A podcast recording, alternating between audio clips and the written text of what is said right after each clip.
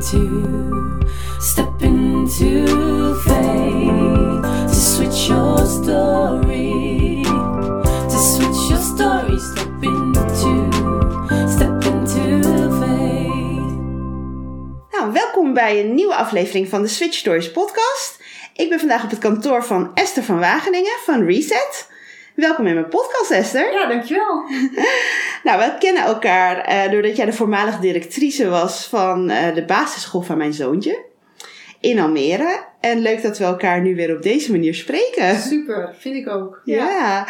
Hey, voordat we naar jouw Switch Story gaan, wil ik je als eerste vragen: wat had jij de Esther van zo'n 20 jaar terug in de tijd mee willen geven met de kennis en ervaring die je nu hebt? Jeetje, wat een eh, mooie, bijzondere vraag. Twintig jaar geleden?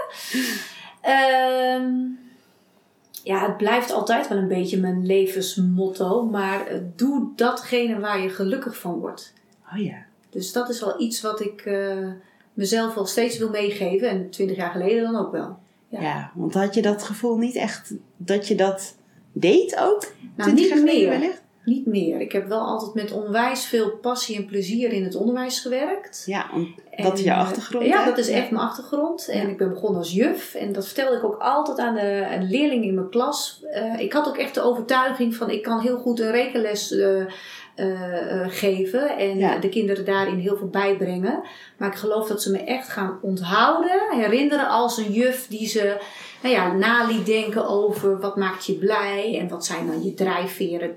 Dat woord gebruik je natuurlijk niet bij kinderen. Nee. Ehm, maar dat vind ik altijd wel de belangrijkste eh, zaken in, in gesprekken met kinderen en met mensen. ja. En eh, nou ja, opeens kwam ik tot de ontdekking van... hé hey Esther, maar in hoeverre geldt dat nog voor jezelf? Ja. En vandaar dat dat, dat dat eigenlijk is wat ik mezelf dan toch steeds wil blijven eh, aandragen. Van joh Esther, voel bij jezelf, is dit nog oké? Word je hier blij van? Oké, go. En zo niet, pas op de plaats. En eh, even weer zo'n momentje van bezinning, wat ga ik dan doen? Ja, want dat is eh, vorig jaar volgens mij bij jou Ja, gebeurd. Hè? Dat, je, dat jij Ja. de switch hebt gemaakt. klopt. Kun je daar Ja. wat meer over vertellen? Ja, dat kan ik zeker.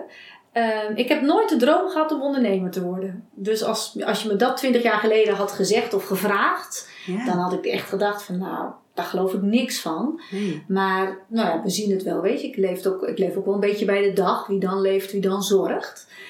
Eh, maar mijn switch kwam echt voort uit het feit dat ik, ehm, eh, nou, dat ik echt even thuis kwam te zitten met een, eh, met een burn-out. Hmm. En ja, voordat je dat tegen jezelf zegt, "Mwah, dan gaat ook wel wat overheen. En eh, ik dacht ook altijd, dat zal mij nooit overkomen. Maar ja, dan is er toch opeens zo'n moment dat alles enorm groot lijkt en, en huge.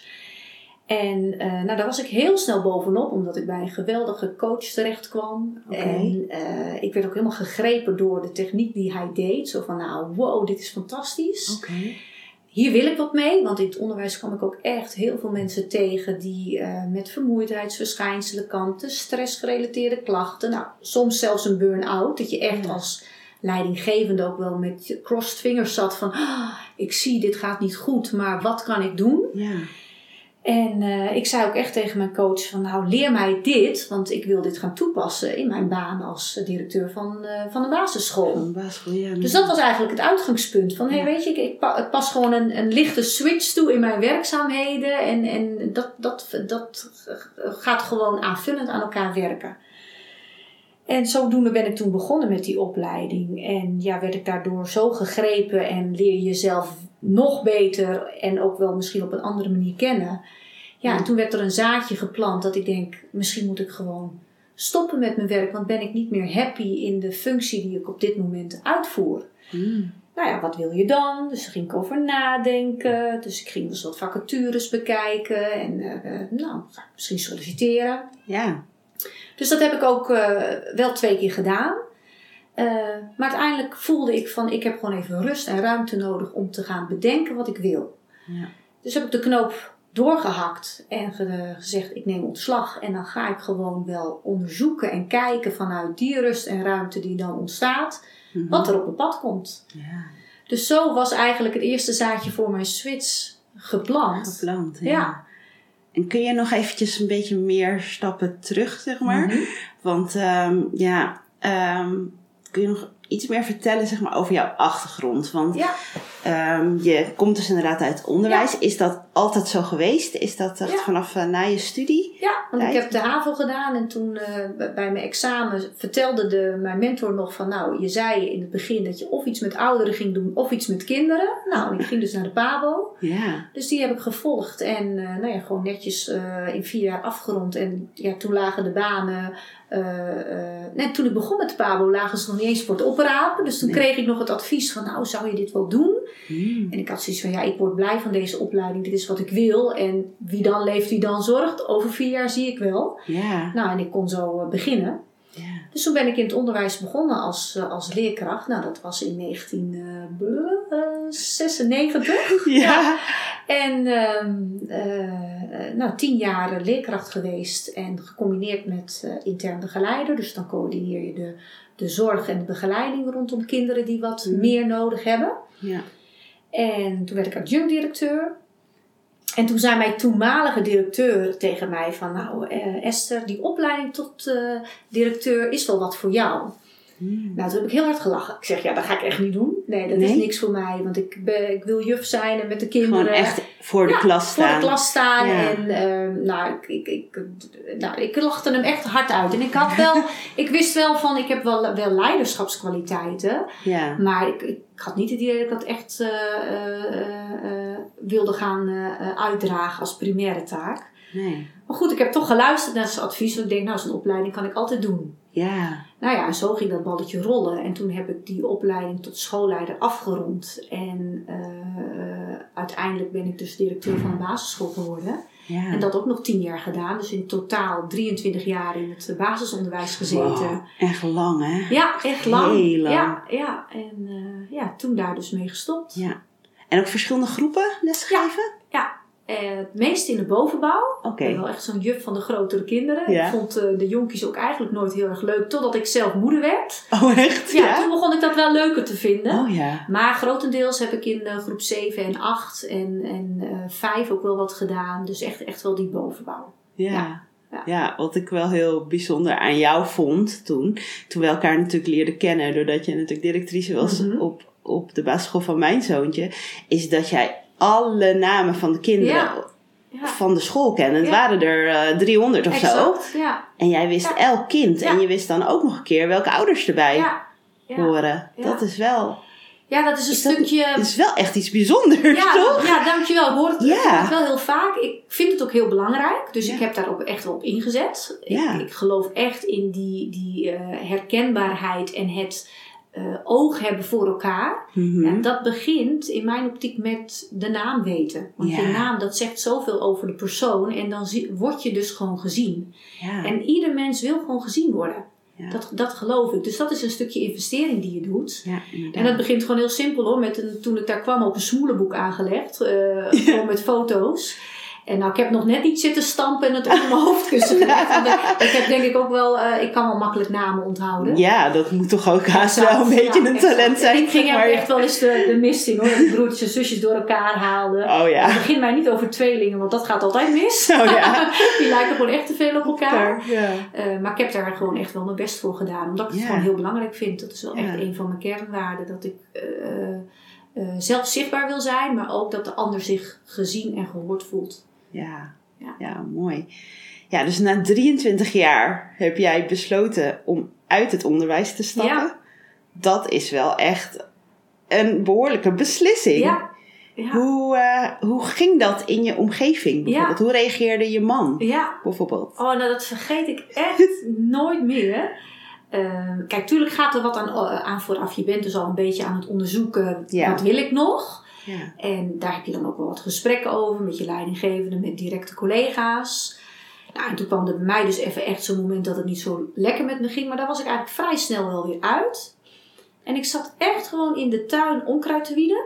Vind ik altijd wel heel erg lekker, even met mijn handen bezig zijn.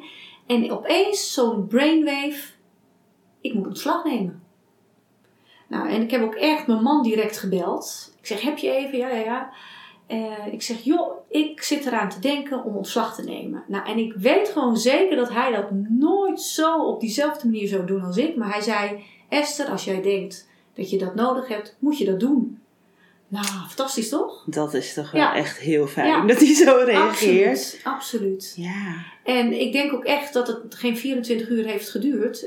En ik had mijn ontslagbrief klaar. Ja. Het was misschien wel gewoon de missing link, het laatste puzzelstukje. Ja. En ik voelde zo'n bevrijding dat ik denk, ja, ik, en ik vertrouw wel op de toekomst. En, en Ja, dat gaat dan mooi. wel wat moois brengen. ja. En eh, nou ja, zo, zo geschiedde het. Ja. Ja. Kan je nog ietsjes meer vertellen over die periode daar dus voor? Want ehm, je gaf aan al eerder dat je, dat je echt in een burn-out hebt Mhm, gezeten. mhm. Kun je daar iets meer over vertellen? Hoe is dat ontstaan? Ja. Eh, nou, dat begint natuurlijk dat je vrij moe bent. Dat je echt eh, minder plezier en eh, levenslust eh ervoer. Dat merkte ik heel duidelijk. Ja. En ik was heel erg goed in het wegredeneren van dat soort dingen. Van, ah joh, weet je, ja, je hebt ook veel aan je hoofd. Je hebt een belangrijke functie. Het is ook druk in het onderwijs. Ach, we hebben zometeen weer vakantie. Wat ben je aan het zeuren, Esther? Je hebt een mooi leven, lieve man, fantastisch kind. Eh, je Ja. hebt helemaal geen reden tot klagen. Dus je was alles aan het wegredeneren, rationaliseren en proberen te verklaren. Nou, dat kan je heel lang volhouden als, Ja. als mens. Dat, dat zal misschien iedere luisteraar ook wel herkennen. Ja. Totdat een punt komt dat je lijf tegen je zegt: ah, dit gaan we niet meer doen. Nee. En ik was gewoon al tijden dat ik heel slecht sliep. Ja. En ik sliep wel in, want ik maakte zulke lange, drukke dagen dat ik soms van voor niet wist dat ik van achter bestond. Dus inslapen lukte wel, maar dan ging om drie uur, poing, werd ik wakker en dan stond ik ook gelijk weer aan en ja, ik sliep gewoon niet meer in. Hmm. Nou, dat hou je echt wel een nachtje vol, een weekje vol.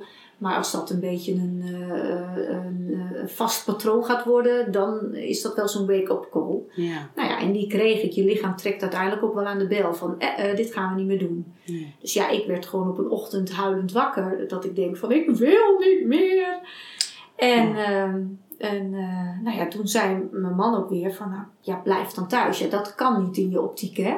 Nee. Ik was niet ziek voor mijn gevoel. Ik heb ook wel eens gezegd, was ik nou maar ontzettend aan het spugen of het overgeven, dan kon ik tenminste me eh, legitiem ziek melden. Ja.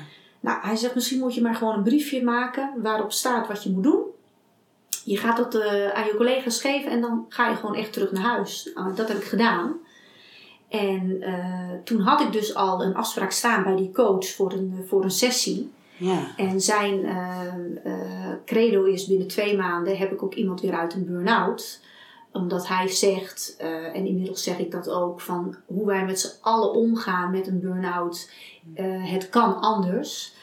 Eh, nou, en dat bleek dus ook wel. Dus ik was na een paar sessies gewoon weer op de been. Dus ik kon na drie weken, kon ik ook gewoon weer nou, voor 50% aan de slag. Dus eigenlijk heeft ook bijna niemand in mijn omgeving gemerkt dat ik ook echt wel een, een, een burn-out had. Ja. En het, is, nou, het blijft ook altijd wel lastig te omschrijven. Ben je oververmoeid of eh, overspannen of een burn-out? Alleen Ja. bij mij had de praktijkondersteuner dat echt wel tegen me gezegd. Want ik had me gemeld bij de huisarts. Ja. En die stuurde me door naar de praktijkondersteuner. En dat was het eerste wat ze zei. Je stuurt te veel met je hoofd. Toen zei ik nog, nou dat stuurt heel erg lekker hoor. En ze zegt, ga jij maar eens accepteren dat je een burn-out hebt. Hmm. Maar goed, ik was na drie weken weer, eh, weer op, de, op de been. En, eh, Dat is wel echt snel. Ja, dat is echt snel. Maar dat kan dus ook als je eh, nou ja, en open staat voor die, voor die hulp. Want Ja. eh, er is gelukkig in Nederland heel veel wat je kunt aangrijpen. Je moet Ja. doen wat werkt. Ja. Alleen merkte ik wel van, ik zocht gewoon iets om mijn hoofd stil te zetten. En ik kon wel snappen en beredeneren dat het geen zin had om s'nachts te gaan lopen piekeren. Alleen ik kon dat proces niet stoppen. Ja, en dat heeft dus heel erg te maken met de fysiologie, dus de lichaamsbeweging, processen in je lijf. Mhm. Dus dat je van binnen gewoon voelt van, "Ugh, het lukt niet, het durf, ik durf niet, ik eh, krijg het, eh, het Spaans benauwd, het zweet breekt me uit. Nou, misschien wel paniekaanvallen. Mhm. Terwijl ik wel weet welke technieken je moet inzetten om het te doen. Nou, en dat verschil, dat, dat is gewoon het, eh, het middel in mijn optiek nu. En Ja. eh, nou ja, dat ging er dus aan vooraf, tot ik dan uiteindelijk in eh, oktober 2018 mijn eh, ontslagbrief heb ingediend. Ja, inderdaad. en kan je nog ons ook een beetje meenemen? Want ehm, we horen veel hè, over het onderwijs en de hoge Mhm. druk Ja. die er in het onderwijs, in het onderwijs is. Mhm. Kun je daar misschien een beetje meer beeld van geven? Van hoe is dat in de werkelijkheid? Ja. Want als, als ouder, zeg Mhm. maar, of als buitenstaander, eh, zien we denk ik niet Ja. alle dingen die zo'n druk op die juffen en meesters Ja. en dus die directie legt. Ja. Want Ja, nou, wat dat- maakt dat? Kan je daar misschien een beetje meer over vertellen? Ja, Want, ja, dat kan ik zeker. En dat blijft natuurlijk altijd wel mijn zienswijze. Dus Mhm. dat, eh, ik Ja, zou ook tegen iedereen willen zeggen, dat moet je gewoon gaan onderzoeken. eh, om te bekijken van, hé, hey, wat, wat, wat, wat vind ik daar nou zelf als persoon van? Maar wat voor mij wel een, een, een sleutel is in, in dat, dat, de hele problematiek in het onderwijs, wat momenteel speelt, is dat iedereen meent verstand te hebben van het onderwijs. Mhm. Dus je hebt als leerkracht en of als directeur of welke functie dan ook, heb je voor je gevoel het, het idee dat je heel veel verantwoording moet afleggen aan iedereen die er maar wat van vindt. Ja. En nou zijn van nature mensen die in het onderwijs zijn heel erg dienstbaar. Dus je wil ook heel graag de ander helpen en uitleggen aan de ander waarom je bepaalde dingen doet. Ja. Ehm, en ik denk dat mensen in het onderwijs wel eens wat meer op hun strepen mogen gaan staan. Van hé, hey, potverdorie, wij hebben er gewoon voor gestudeerd. We zeggen niet alle wijsheid en kennis in pacht te hebben. Maar we hebben echt wel goed nagedacht voordat we een bepaalde interventie plegen. Ja. En als wij daarin wat meer op onze strepen zouden gaan staan, eh, trek je ook eh, eh, grenzen. En dan zeg je ook tot hier en niet verder. Dus ik denk dat daar die balans wel eh, vaak in doorslaat. Ja. Omdat dat betekent, op het moment dat je dat doet, moet je daar zelf ook wel zeker genoeg van zijn in je, in je hele mens, in je Ja. hele zijn. En dan kom je weer bij dat stukje, die innerlijke strijd die je dan wel eens als mens kan voeren. Omdat je de ander wil begrijpen. Eh, je kunt je soms ook wel overroeld voelen door een ouder of door een bestuurder die wat tegen je zegt. Ja. Waardoor er van alles in je lijf gebeurt, waardoor je onzeker wordt of waardoor je denkt, "Ah, het kan toch nog beter. Dus je perfectionisme gaat je wat nekken. Eh, dus er speelt dan van alles om, om, om toch eh, te blijven staan voor dat wat je staat. Ja. Voor waar je staat. Dus, Ja. dus dat is wel een heel belangrijk onderdeel. Ehm, en wat ik echt wel vind, is dat we in het onderwijs te veel dingen omarmen van ja, fantastisch, leuk. En eh, we krijgen ook heel veel over de schutting geworpen van hé, hey, dat lossen we in het onderwijs wel op. Of dat lossen ze in het onderwijs wel op. Terwijl er aan de achterkant niet zo heel veel is afgegaan. Eh, en dan kan ik, wel, nou, kan ik wel illustreren met Ja. een voorbeeldje. Ehm, de, de meeste ouders weten van hey, toen ik zelf op de basisschool zat, eh, liepen we de avondvierdaagse, eh, hadden we een kerstmaaltijd en een kerstviering. Deden we nog wat met het lentefeest, maar dan hadden we ook nog Pasen. Nou, en noem het allemaal maar op. De kwaliteit van het onderwijs is de laatste jaren echt wel een speerpunt geworden. Dat is natuurlijk ook je core business, onderwijs geven. De maatschappij is veranderd, dus je moet de kinderen ook wel op een, op een heel andere en misschien nog wel meer manieren wijs maken. Nou, dat kost tijd en aandacht. Dat ging er komen, terwijl we aan die achterkant niks afhaalden van al die feesten en festiviteiten. Terwijl als je nu om je heen kijkt, kinderen, de meeste kinderen kunnen ook nog naar een sportclubje of naar, eh, eh, naar, naar, naar een of andere eh, leuke activiteit ge- georganiseerd door de kinderopvang of door, door, door de wijkbuurten. Mhm. Eh, dus je moet je afvragen als school of je dat allemaal nog zo wil gaan doen tot in de finesse. Het kan ook wel een beetje minder. Nou, en dat vraagt weer om een leidinggevende die een hele duidelijke visie heeft op goed onderwijs. En daarin een koers bepaalt en een koers vaart. En dan dus ook het roer recht houdt. En dat vond ik een super gave taak als directeur om te doen. Ja. Maar dat kost ook wel heel erg veel eh, energie en vastberadenheid om dat verhaal continu te blijven vertellen. Want je hebt eh, je team wat je mee moet nemen. Dan heb je nog je ouders die je mee wil nemen. Dan heb je nog je bestuurder die je Ja. mee wil nemen. Je collega-directeuren binnen de stichting waarin je ook samen een koers vaart. Dan heb je nog de stakeholders vanuit de wijk. Dan heb je nog je concurrenten vanuit de wijk. Dan heb je nog de partners in de wijk waar je mee moet samenwerken. Dus er zijn zoveel invloeden waar je rekening mee moet houden. Ja. Wat het heel dynamisch maakt. En een fantastisch vak. Maar ook wel enorm intensief. Ja. En nou ja, neem dan nu nog het grote lerarentekort. Ja. eh, waardoor je zoveel pleisters aan het plakken bent en zoveel bezig bent met faciliteren. Hm. Dat je zo moeilijk weer toekomt aan die onderwijsinhoud. En daar gaat je hart vaak sneller van kloppen. Ja. Dat was mijn directeurenhart. En ik weet zeker dat eh, de directeur die het van mij heeft overgenomen, eh, eh, voelt dat ook zo. Ja. Ehm, en, en, veel meer directeuren in onderwijsland. Maar je bent dus aan het faciliteren en komt eigenlijk niet meer toe aan dat wat jou zo aansprak in dit vak. Ja. En ja, dat is in, ja, in mijn optiek wel ehm, eh, eh, datgene wat het onderwijs zo intensief, veelzijdig en, en ook wel moeilijk maakt. Ja. Ja, dus jij hebt uiteindelijk nu dan ook, nou, uiteindelijk de keuze gemaakt met tot hier en niet verder. Mhm.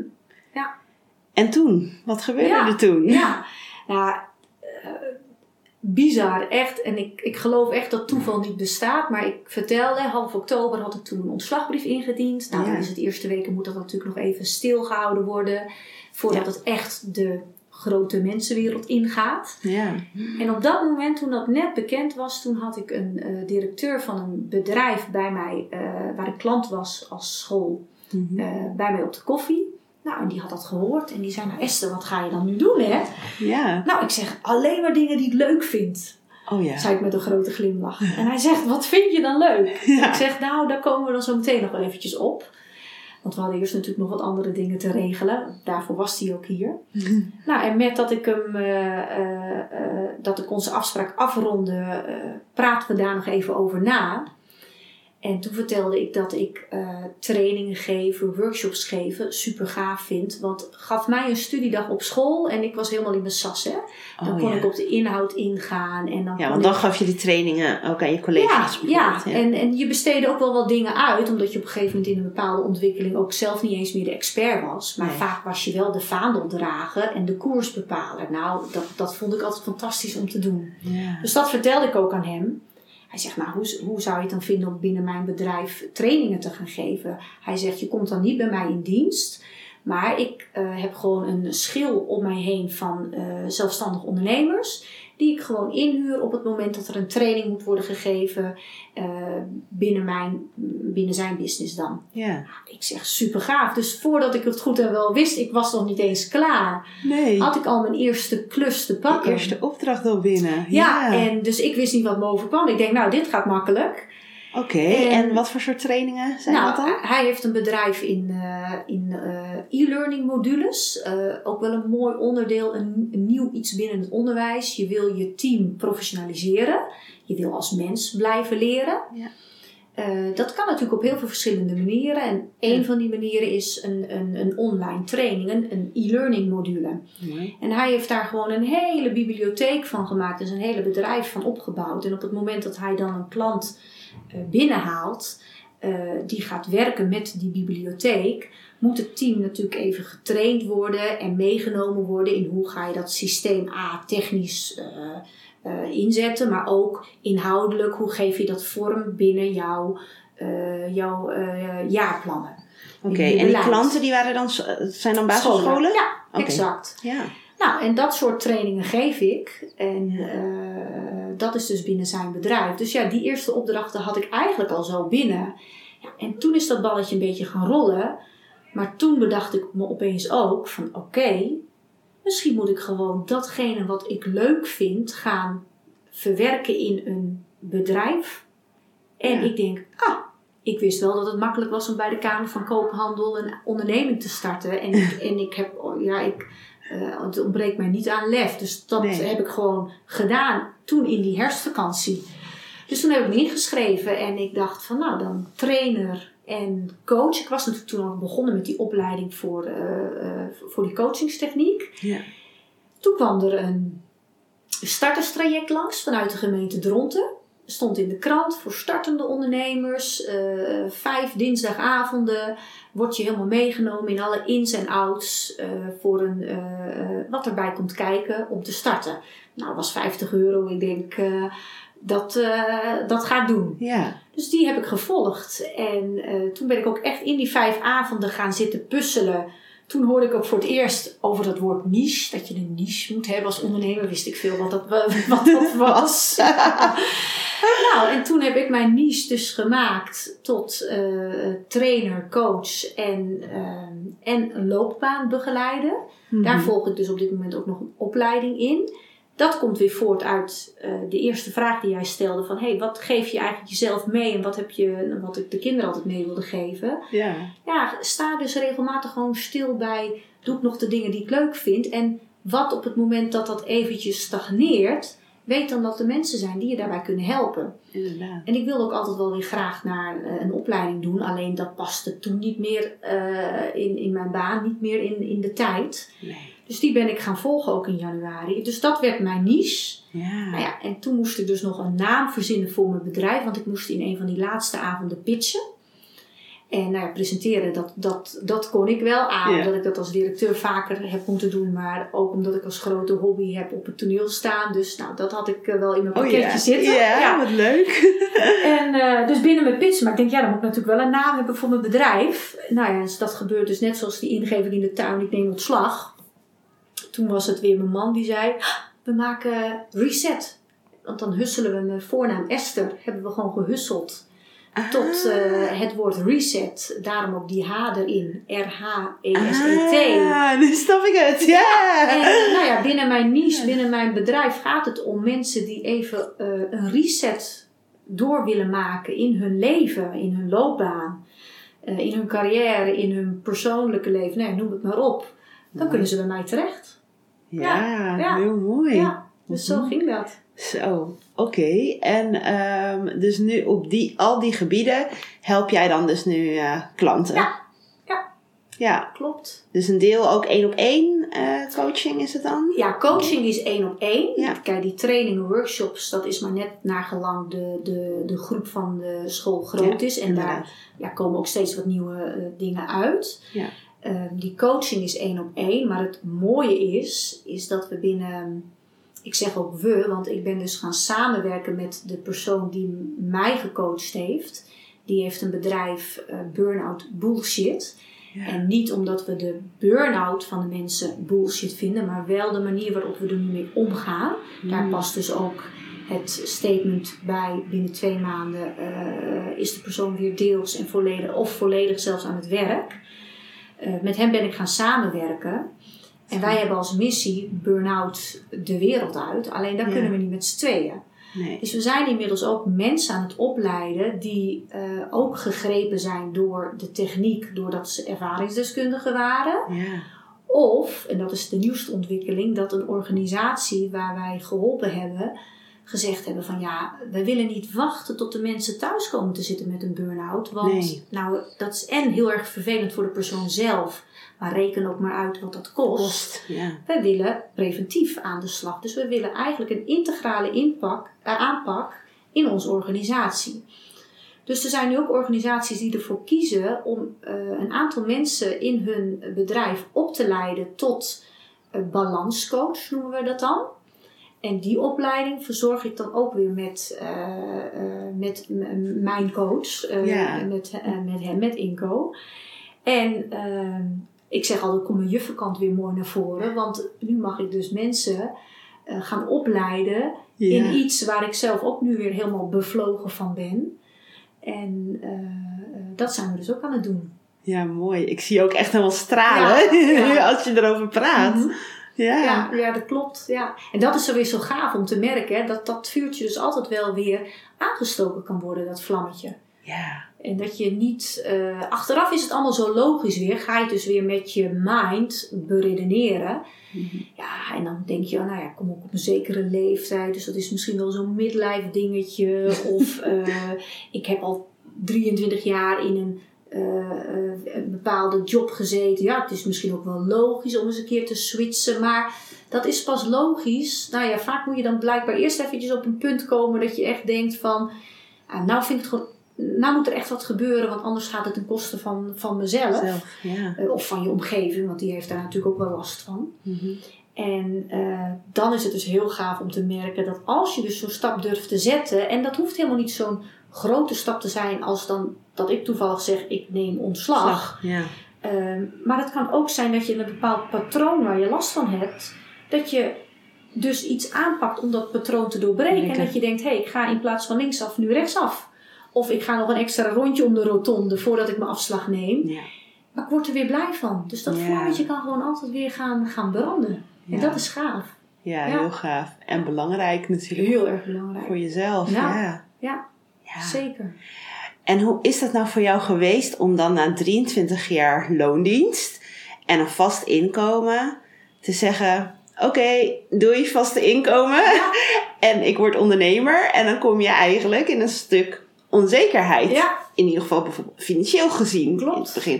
Dan is het misschien bij jou wel makkelijk, heel fijn geweest dat je gelijk iemand hebt gevonden waar je Mhm. trainingen voor Mhm. kon geven. Mhm. Maar hoe, hoe is dat voor Ja. jou geweest? Ja. En hoe, heb je, hoe ben je daarmee omgegaan? ja. Nou, wat ik gewoon heel tof vond om te merken is dat, dat ik daar geen slapeloze nacht over heb gehad.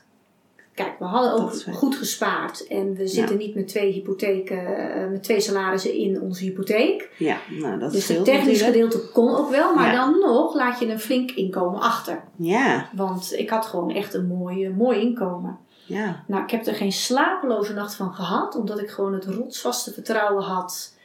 Ik Ja. doe weer iets waar ik blij van word, dus het gaat wel komen. Ik weet wat ik waard ben, ik weet wat ik kan. Dus dat gaat goed komen. Ehm, en ik denk, hoe gaaf is het om te merken, of dat ik dat voelde, dat ik dus, je bent niet je werk.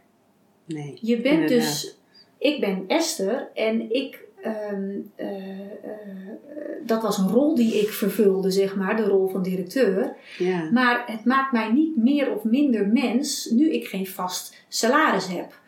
Ja. En ja, ondernemen, het woord zegt al, je moet niet thuis op de stoel, op de bank gaan zitten van nou, het komt mij wel toe. Nee, je Nee. moet ook echt wel dingen gaan ondernemen. Dus mensen bellen, afspraken maken, in contact komen, reageren op dingen die je langs ziet komen op LinkedIn, eh, Insta, Facebook, noem het maar op. Ja, en dat ben ik gaan doen. ja, En dat geeft zo'n energie. En dat zijn natuurlijk allemaal officieel indirecte uren waar nog geen eh, factuur tegenover staat. nee. Maar dat ging wel komen. En dat kwam in een, een nou, stroomversnelling, eh, wil ik niet helemaal zeggen. Eh, maar het ging wel stromen. Ja. Dus ja, ik ging gewoon ook wel verdienen. En toen ik het eerste kwartaal ook moest afsluiten, toen zei ik ook van ja, hoe weet je nou of je succesvol bent geweest als ondernemer? Hè? Ja, daar zijn dan niet statistieken van eh, dat je dan een x bedrag binnen moet halen. Dat is natuurlijk ook heel afhankelijk van, van je business, wat je doet.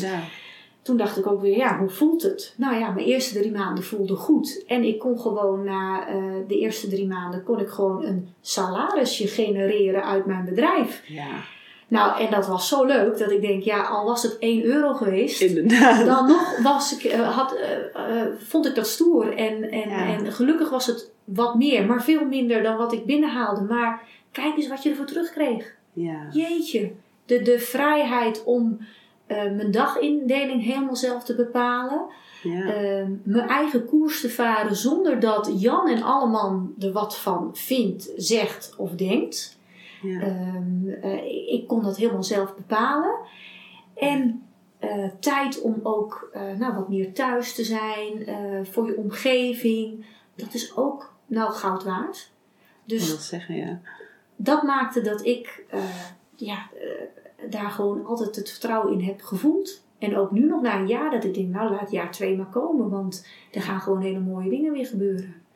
En waar komt dat, dat diepe vertrouwen nou precies vandaan? Want ik zeg ook echt, eh, de, de ondertitel van deze podcast is, is ook Step into Faith to Switch Your Story. Absoluut. Ik, ik geloof zelf ook heel erg in dat je in vertrouwen moet leven. Mhm. En dus echt wel kan vertrouwen op je eigen kwaliteiten. En daardoor wellicht stappen vooruit kan zetten. Ja. Maar waar komt dat bij jou vandaan? Want je hebt het inderdaad deelt over vertrouwen. Ja.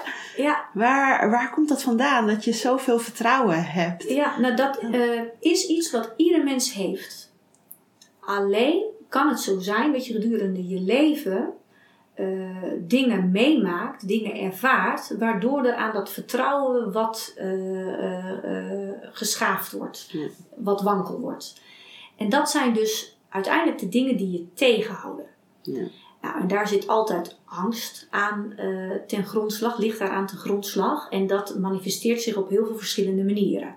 Eh, onzekerheid, eh, doorslaand perfectionisme. Maar eigenlijk de enige vraag die je hoeft te stellen als je deze podcast luistert en je denkt, ja, maar dat vertrouwen heb ik niet. Oké, maar wat houdt je dan tegen? Ja. En als je daar maar genoeg last van hebt, om het maar zo te zeggen, ga je uiteindelijk de stap zetten om eerst die last op te ruimen. Nou, dat is wat ik heb ervaren. Ja. Ik merkte, ik doe niet meer de dingen waar ik blij van word, maar wat wil ik dan? En, en, en wat, hoe komt het dat ik nu hier ben waar ik nu ben? Ja. Daar ben ik aan gaan werken. Dus ik heb datgene wat mij tegenhield opgeruimd. En dan kom je weer bij je kern.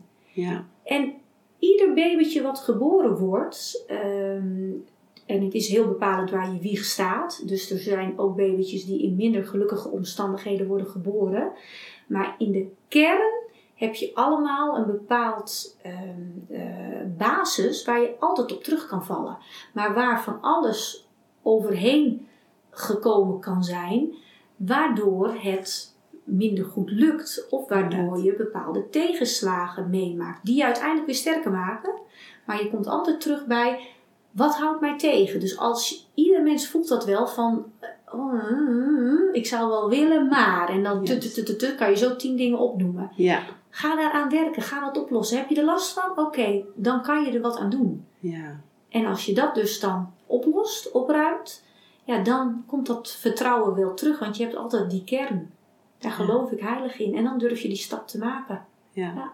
Nou, ik geloof er ook echt heilig Ja, in. ja, Dus ja, dat, ja. ik ben er ook echt helemaal van overtuigd. Dus ik vind het heel mooi dat je dat, eh, je hebt dat heel Mhm. mooi verwoord. Heb jij nog tips voor mensen die eh, twijfelen over het ondernemerschap? Als ze wellicht ook, eh, misschien zijn er nog wel andere mensen die dit straks horen, die wellicht ook al heel lang in het onderwijs zitten, Mhm. eh, of misschien al ergens een andere baan Mhm. waar ze al heel lang in vastzitten. Ehm, wat zou jij voor tips geven aan die mensen die, die toch wel ideeën hebben om iets voor zichzelf te gaan doen, Mhm. maar het wellicht ook niet durven? Ja, Of toch nog steeds niet doen, of al heel lang niet Ja. doen? Nou dan kom ik eigenlijk terug bij wat ik net zei. Als je dus wel diep van binnen voelt dat je het wil en je hebt ook wel ideeën, dan moet je die eerste stap gaan zetten. Ja. Maar als dat dus nog een brug te ver is, omdat er nog wat dingen tussenin staan, dat Ja. is dus waar je last van hebt, Ja. ga dat aan. En dat kan op heel veel verschillende manieren. En dan kan ik zeggen, joh, ik zou je kunnen helpen, want ik beheers nu die techniek om dat waar je last van hebt eh, op te ruimen. Ja. Maar er zijn in Nederland, in je omgeving, natuurlijk nog veel meer mensen die met je mee kunnen denken, die je kunnen helpen, die je kunnen begeleiden, die je kunnen coachen. Eh, dus vraag dan die, eh, die hulp. En als dan de stap van het ondernemerschap, ondernemerschap nog een te grote stap is, zet dan een tussenstapje. Want je kunt altijd een stap vooruit zetten. Ja, en dat is eigenlijk de tip. Precies wat ik Dus, ook ja, altijd het zeg. is niet Dus- ingewikkelder, want je hoeft Nee. niet eh, wetenschapper te zijn of heel veel intellect te hebben eh, of, of heel veel lef te hebben om zo'n stap te zetten. Nee. Eh, iedereen kan die stap bereiken als je het echt wil. Kijk, want als je het niet wil, eh, eh, dan moet je het ook niet doen. nee. Eh, maar als je niet happy bent op dit moment in je, in je job, eh, of je zei ook in het onderwijs, ja, ga dan eens in het onderwijs onderzoeken wat zou ik nog anders kunnen doen. Want daar, daar zijn altijd mogelijkheden en er zijn mensen die met je mee kunnen denken. Ja, inderdaad. Ja. Ja, dus zet die eerste stap. Ja, ja. Ja. En als je zelfs niet eens weet wat die eerste stap is, nou, dan ga je dat onderzoeken met iemand. Ja, Joh, inderdaad. help even te zoeken wat die eerste stap is. Ja. Nou, en dat, dat, eh, die mensen zijn er altijd. Ja. Nou, dankjewel voor het delen van al jouw Mhm. ideeën en tips daarover. Heel Om jou nou ook nog even persoonlijker iets beter te leren kennen. Mhm. ehm, wil ik je graag nog een paar korte vragen stellen. Yes. Dat goed? Wat Ja. helemaal los staat van, zeg maar, de business en het ondernemerschap. Ja. Eh, wat is je favoriete eten? Ja. Jeetje. eh, lasagne. Oh, lekker. Ja. Hey, Italiaans. Favoriete sport om zelf te doen? Ah, dat, ik, ben geen, eh, ik heb geen favoriete sport. Nee. Ik heb eigenlijk een hekel aan sporten. Ik wandel. Ik vind veel dingen leuk, maar heel eventjes.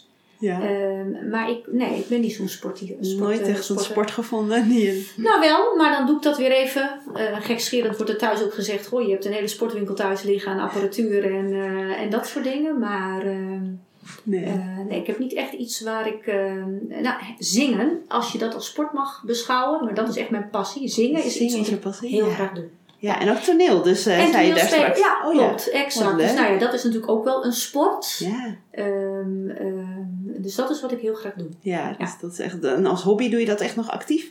Ehm, niet, nou, eh, gisteren toevallig wel een concert gehad. Ehm, ik probeer het actief te doen, maar ik doe graag mee aan projecten met een kop en een staart. Oké. En die zijn niet altijd, eh, die liggen niet altijd voor het oprapen. Dus dan moet je gewoon wat geduld opbrengen. Ja. Ehm, en dan eh, st- ligt het ook wel eens een tijdje stil. Maar ja, zingen kan altijd en overal, hè? Ja, En inderdaad. eh, toneelspelen lukt ook wel overal. Maar eh, ja, dus dat. Leuk, leuk. Heb je een favoriete tv-programma? Ehm, nee, niet, niet, eh, niet echt. Ik vind series over ehm, mensen, levensverhalen eh, fantastisch mooi. Er is nu een hele mooie serie Dit zijn wij. Prachtig over een aantal dertigers die, die, die, die opgroeien. Dat intrigeert me, dat vind ik echt heel erg gaaf. Ja. Eh, dus dat soort series eh, boeien mij wel. Over mensen. Nou, dat, dat past ook wel heel erg in eh, hoe ik altijd heb gewerkt en eh, Ja. dat ik ook werk met mensen. Ehm, maar echt een favoriete serie? Nee, ik, eh, nee. ik kijk, kijk van alles en, en, en nog wat. Maar mensen is altijd wel, die spelen altijd wel een rol. Een in. rol, ja. Ja. Die blijven belangrijk voor jou. Ja. Ja. Heb je een favoriete vakantiebestemming? Nee, ook niet. Ja. Nee, ik hou wel van de natuur. Dus ik ga liever naar een, een la- een land, een plek toe met rust en ruimte. Dan naar een grote stad en cultuur en herrie. Eh, Ja. Dus dat is wel de rode draad. Ik onderzoek dat wel altijd. We hebben ook wel een, mo- een, een paar mooie reizen gemaakt. Ja. Bijvoorbeeld naar, naar Thailand en ook naar Zuid-Afrika. Ja. ja, dan gaat mijn hart echt veel sneller kloppen van Zuid-Afrika dan Ja. van Thailand. Oh, ja. En dat heeft wel te maken met de natuur. Ja. Ja. Dus dat zoek je nou op. Ja. Ja. Ja. Maar wel ook verre reizen dus. Ja, dat vind ik wel leuk om te doen. Ja, Ja. top. Ja. Heb je een favoriete liedje? Ehm, Je bent wel heel erg met, met zingen ja, ik ben heel erg met zingen bezig. Ik vind ook heel veel verschillende muziek eh, wel leuk. Het is ook altijd een beetje wel de momenten, de moed waarin je verkeert. Marco Borsato heb ik altijd heel erg gaaf gevonden, maar luister ik nu weer wat minder. Eh, nee, dus ik heb ook niet echt, het plopt me niet nu zoiets binnen van, oh ja, dat is echt een liedje wat, eh, wat ik heel Wat je tof echt altijd zingt, Nee, bijvoorbeeld. nee, Nee. nee. Heb je een slechtste eigenschap? Wel wat ongeduldig. Oh ja, Ja, die heb ik vaker gehoord in deze podcast. ja, Van andere mensen zal, ook. En ik zelf ook hoor. Ik ben zelf ook best wel ongeduldig. Ja, en dat, moet je, eh, en dat is dan wel weer tof, want dat moet je ook echt wel leren om geduld op te brengen. Want ik merk wel dat als ondernemer dingen soms wel wat langer duren. Dan heb je bijvoorbeeld een enthousiast gesprek met iemand dat je denkt, nou, dit, dit is business hè. Dit, eh, Oh. Ja. eh, ik, ik, zie, ik, ik zie het al eh, gebeuren. Nou ja, en dat duurt. En dat Geen duurt. beslissing. Geen beslissing. En dat eh, duurt soms echt wel langer Nou. dan hoe ik het zelf zou doen. Ja, Nou ja, en dan leer je dus ook wel weer een westje geduld opbrengen. ja, inderdaad. En wat is je beste eigenschap? Eh, daadkracht. Ja. Dat Maar is blijkt- natuurlijk ook precies eh, de daadkracht. En te veel daad, daadkracht maakt dat je drammerig wordt. Oh ja. Dus moet je weer geduld opbrengen. Hè? Dus dat is zo'n Ja. mooi eh, kwaliteitenkwadrant. maar daadkracht, ja. Ja. Heb je ook een voorbeeld waar dat eh, nog meer echt uit blijkt? Ja, ontslag durven nemen. Ja. Het gewoon dus ook maar doen. Ja. En eh, daar niet bang voor zijn. En wat is jouw allergrootste wens of droom? Ehm, gezond, gezondheid, eh, maar ook geluk. Ja, dat je echt wel. Ik, ik geloof echt wel heel erg in geluk is maakbaar. En daar kan je naar zoeken. En dat is, is hard werken en dat blijft hard werken. Ja. Maar als ik dat eh, stadium gewoon grotendeels vast kan houden en ook voor de mensen om mij heen, ja, dat vind ik wel eh, heel belangrijk. Dan zou de wereld denk ik er ook een stuk mooier uitzien als iedereen streeft naar, naar geluk en, en alles opruimt waar je last van hebt. Want dan zullen er ook heel veel conflicten niet zijn. Nee, inderdaad. Dus dat is wel een droom. Mooi, mooi. En waar kunnen mijn luisteraars jou en je bedrijf het beste volgen? Nou, ik ben op verschillende kanalen te volgen. Ik heb natuurlijk sowieso een website, www.reset.nl. Ja. Ik ben op LinkedIn te volgen, gewoon onder mijn eigen naam. En op Facebook en Instagram ook. Ja. Eh, dus genoeg mogelijkheden om mij, eh, om mij te vinden. Top. Ik zet Ja. het in de show notes, dus dan kunnen luisteraars jou eh, gemakkelijk Super, vinden. graag. Ja. Ja. En tenslotte, is er nog een vraag die jij mij zou willen stellen? Nadat ik al die vragen aan jou heb gesteld. Ehm, nou, we hebben natuurlijk in het gesprek wat niet opgenomen is, hebben we natuurlijk ook al heel veel gedaan. Ehm, eh, ja, ik denk de eerste vraag, ehm, ja, die heb je ook al wel een beetje beantwoord, maar wat is eh, nou, jouw drive om ondernemer te worden, te zijn, dat weet ik al, maar wat is nu de eerste stap die jij gaat zetten binnen eh, de Switch Stories? Nou, best wel een mooie vraag. nou, de, de, de stap voor mij was dit al sowieso een hele stap om deze podcast te gaan maken. Ik moest echt wel even een drempel over. Dat vertel ik ook in mijn eerste podcast. Ehm, ik moest echt weer een beetje out of my comfort zone stappen. Eh, maar ik, ehm, ik merkte namelijk heel erg, ik eh, wil heel graag ehm, ook andere mensen helpen. Mhm. Eh, mensen die ook twijfelen over het maken van een switch. Alleen ik merkte ook dat ik zelf best wel vast kwam te zitten in, in allerlei belemmerende gedachten die er zijn. Ehm, dus dat maakte dat ik sowieso een eerste stap moest gaan zetten. En ik dacht, wat ga ik doen? Ik ga content maken. en ik ga contact opnemen met ondernemers. Mhm. En hun verhalen vastleggen over hun switches. Ja. En ik merk gewoon nu heel erg dat ehm, door het doen van de- deze gesprekken, nou ik denk dat jij mijn zevende interview nu bent, ehm, dat dat me heel veel energie geeft. Mhm. Ik vind het zo leuk om het contact te hebben met ondernemers. Ook mensen die ik helemaal niet ken, die ik nooit Mhm.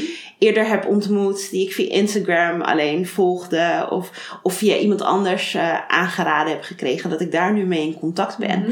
En dat geeft mij zoveel energie.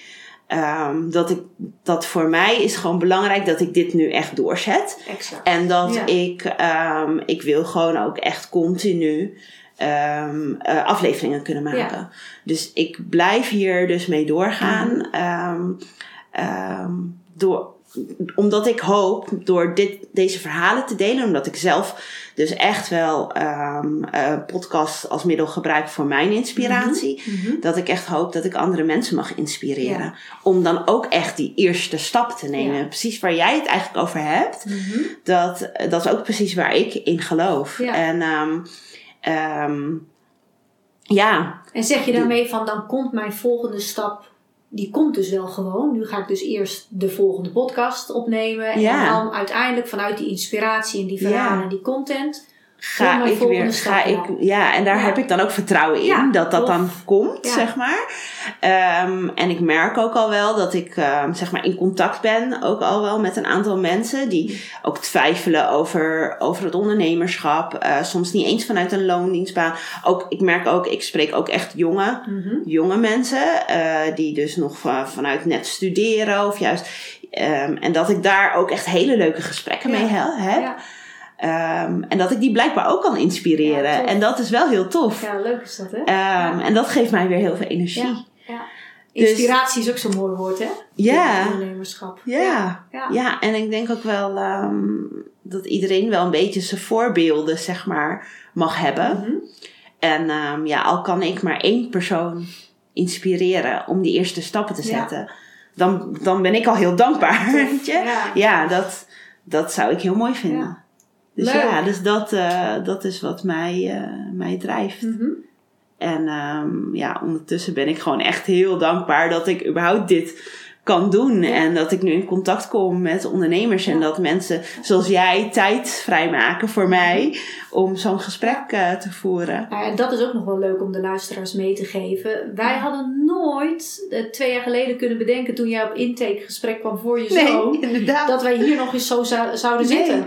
Absoluut Nou ja, niet. dus ga ook niet alles van tevoren bedenken Nee. en, en uitstippelen. Want dat kan je dan ook wel weerhouden om die stap te zetten. Maar ga het gewoon doen. Ga het gewoon doen. Ja. En soms komen dingen op je pad en daar mag je inderdaad echt op vertrouwen. Ja. Ehm, dus ja, ik geloof er ook altijd wel echt in dat, eh, dat je echt gewoon mag vertrouwen op je eigen kwaliteiten. Ja. En eh, dat dingen soms ook echt goed komen. Ook al lijkt het soms niet Nee. goed te, te komen. Dat het Mhm. uiteindelijk echt wel goed komt. Absoluut. Nou, zullen we daarmee afsluiten Nou, dan? dat, het kan niet mooier, toch? Ja, toch? Nou, heel erg bedankt voor je tijd. Heel graag gedaan. Super gaaf. En eh, luisteraars, eh, als je dit hoort, laat ons weten wat je ervan vindt. Ik denk dat Esther en ik allebei wel heel graag willen Ja. horen wat je ervan vond. Dus laat het ons weten. Heel graag. Leuk dat je hebt geluisterd naar deze aflevering van de Switch Stories podcast. Wil je meer weten? Kijk op de switchstories.nl of volg mij op Instagram Amelia Stegwij. Vind je dit een leuke podcast? Dan zou je mij natuurlijk enorm helpen door een review achter te laten, zodat mijn podcast beter gevonden wordt en ik hopelijk meer mensen mag inspireren. Alvast heel erg bedankt en tot de volgende aflevering.